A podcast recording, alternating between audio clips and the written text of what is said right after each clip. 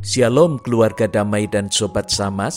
Hari ini 25 Maret 2022, kita telah memasuki hari ke-21 dalam masa Prapaskah. Renungan hari ini mengambil tema pelayanan untuk pendamaian.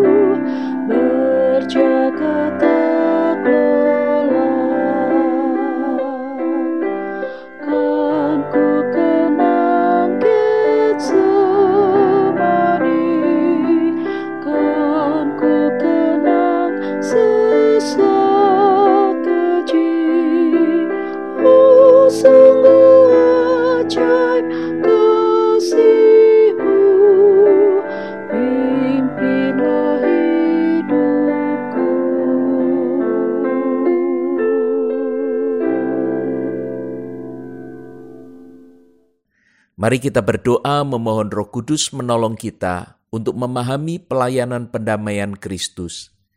Ya Allah, kami bersyukur telah diperdamaikan dengan Allah melalui pengorbanan Kristus. Berikan kami pengertian agar dapat memahami peran kami dalam mengisi masa hidup ini. Dalam nama Kristus, Sang Pendamai kami berdoa. Amin. Bacaan hari ini diambil dari 2 Korintus 5 ayat 6 sampai 21. Secara khusus saya akan membacakan ayat 6, 7, 15, 17, dan 18. Ayat 6. Maka oleh karena itu hati kami senantiasa tabah, meskipun kami sadar bahwa selama kami mendiami tubuh ini, kami masih jauh dari Tuhan 7.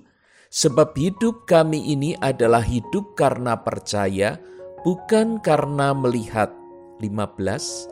Dan Kristus telah mati untuk semua orang, supaya mereka yang hidup tidak lagi hidup untuk dirinya sendiri, tetapi untuk Dia yang telah mati dan telah dibangkitkan untuk mereka. 17. Jadi siapa yang ada di dalam Kristus, ia adalah ciptaan baru. Yang lama sudah berlalu, sesungguhnya yang baru sudah datang. 18. Dan semuanya ini dari Allah yang dengan perantaraan Kristus telah mendamaikan kita dengan dirinya dan yang telah memercayakan pelayanan pendamaian itu kepada kami. Bagian ini berbicara tentang hidup kita di dunia yang bersifat sementara saat kita masih tinggal dalam tubuh fana dan tidak tahu kapan akan berpindah ke rumah Allah yang kekal. Ada dua sikap yang muncul dalam merespon keadaan ini, yaitu yang pertama adalah pandangan yang menganggap bahwa hidup ini adalah tujuan akhir, sehingga kita harus berjuang mati-matian untuk mendapatkan segala sesuatu yang diingini, sekaligus berusaha menikmatinya sepuas-puasnya. Hidup ini adalah puncak pencapaian, kebanggaan, dan apa pun harus dilakukan untuk mendapatkan status dan semua yang diingini. Tidak jarang hal ini menimbulkan egosentrisme yang membuat manusia begitu ambisius dan tidak memedulikan orang lain. Senada dengan ini, segala sesuatu yang dipercaya harus konkret atau kasat mata. Sulit mengajak orang berpikir tentang sesuatu yang bersifat kekal. Bagi mereka, hidup setelah kematian tidak rasional, karenanya tidak dapat dipercaya. Yang kedua adalah pandangan bahwa hidup tidak hanya di dunia ini, ada kehidupan di balik kematian Allah telah menyediakan rumah yang kekal agar kita bisa bersamanya setelah kehidupan di dunia ini berakhir. Itulah sebabnya di ayat yang ke-6 Paulus mengatakan, Selama kami mendiami tubuh ini, kami masih jauh dari Tuhan. Maksudnya jauh dari rumah yang akan kami diami bersama Tuhan. Ada pengharapan tentang rumah yang kekal serta kebersamaan dengan Tuhan. Hal ini memang bukan sesuatu yang kasat mata atau mudah dimengerti. Karenanya kita membutuhkan Kristus untuk menolong kita agar bisa memahaminya.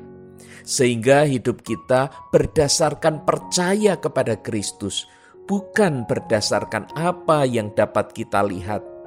Tanpa pertolongan Kristus, kita tidak mendapat info yang jelas tentang kehidupan kekal bersama Allah serta kepastian atas semua itu.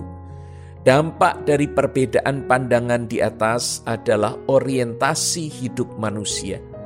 Ayat 9 menunjukkan bahwa orientasi hidup para pengikut Kristus berbeda dengan mereka yang di luar Kristus. Mereka yang mengenal Kristus akan dibawa untuk mengenal Allah sehingga orientasi hidup mereka adalah memperkenan Allah. Hal ini amat berbeda dengan mereka yang tidak memiliki relasi dengan Allah, karena mereka akan bersikap masa bodoh dan sama sekali tidak memedulikan Allah. Bayangkan betapa menggelikannya jika orang ingin masuk surga, dilayani para malaikat di surga tanpa mengenal dan punya relasi dengan pemilik surga. Memangnya surga itu hotel di mana orang bisa masuk keluar seenaknya asal mereka bisa membayar atau mereka mau merampas surga dan mengkudeta penguasanya. Dalam ayat ke-10 Paulus memberi peringatan keras bahwa pada akhir kehidupan di dunia ini orang akan dihadapkan pada pengadilan Kristus atas apa yang telah diperbuatnya selama hidup di dunia tak seorang pun dapat lolos dari pengadilan tersebut, dan semua petugas tidak ada yang bisa disuap. Keputusan di sana adalah keputusan final, menerima hidup kekal bersama Allah di surga yang mulia, atau kematian kekal dalam neraka yang mengerikan.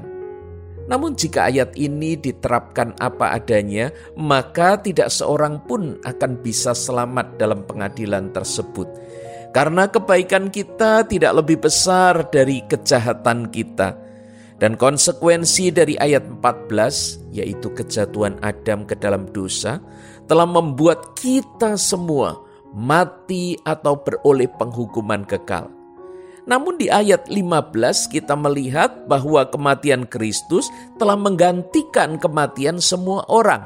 Di sinilah Kristus melakukan pelayanan pendamaian bagi semua orang. Kristus memperdamaikan manusia dengan Allah. Hanya orang-orang yang menerima Kristus yang memberikan dirinya untuk digantikan oleh Kristus yang dapat diperdamaikan dengan Allah dan menerima hidup kekal. Jadi orang yang menerima Kristus sebagai juru selamatnya juga harus menerima kenyataan bahwa dirinya telah diperdamaikan dengan Allah. Ini berarti dia tidak lagi melakukan hal-hal yang membuatnya berseteru dengan Allah. Di ayat 17 Paulus menyampaikan, siapa yang ada dalam Kristus, ia adalah ciptaan baru. Kehidupan lama sebelum mengenal Kristus harus ditinggalkan, diganti dengan kehidupan baru yang berdamai dengan Allah. Sebagai ciptaan baru, kini orientasi hidup kita adalah menyukakan Allah, hidup yang sesuai tuntunan dan teladan Kristus. Kristus akan terus menolong kita untuk hidup damai dengan Allah. Karena itu, perkataan Kristus harus hidup dalam diri kita Jangan lagi menghabiskan waktu untuk berdebat dengan Kristus atau hidup bertentangan dengannya. Dia sangat mengerti apa yang harus kita lakukan, apa yang akan terjadi dengan hidup kita, dan ke mana kita akan pergi kelak. Mari kita memohon Roh Kudus menolong kita agar hidup berkenan kepada Allah. Bapa, beri kami ketaatan total agar pendamaian Kristus berlangsung sempurna dalam hidup kami, dan teladan Kristus memampukan kami memahami dan melakukan kehendak Allah. Dalam penundukan diri kepada Kristus, kami mengawali hidup kami. Amin. Sobat Samas dan keluarga damai, pelayanan pendamaian Kristus membuat kita berdamai dan hidup menyukakan Allah.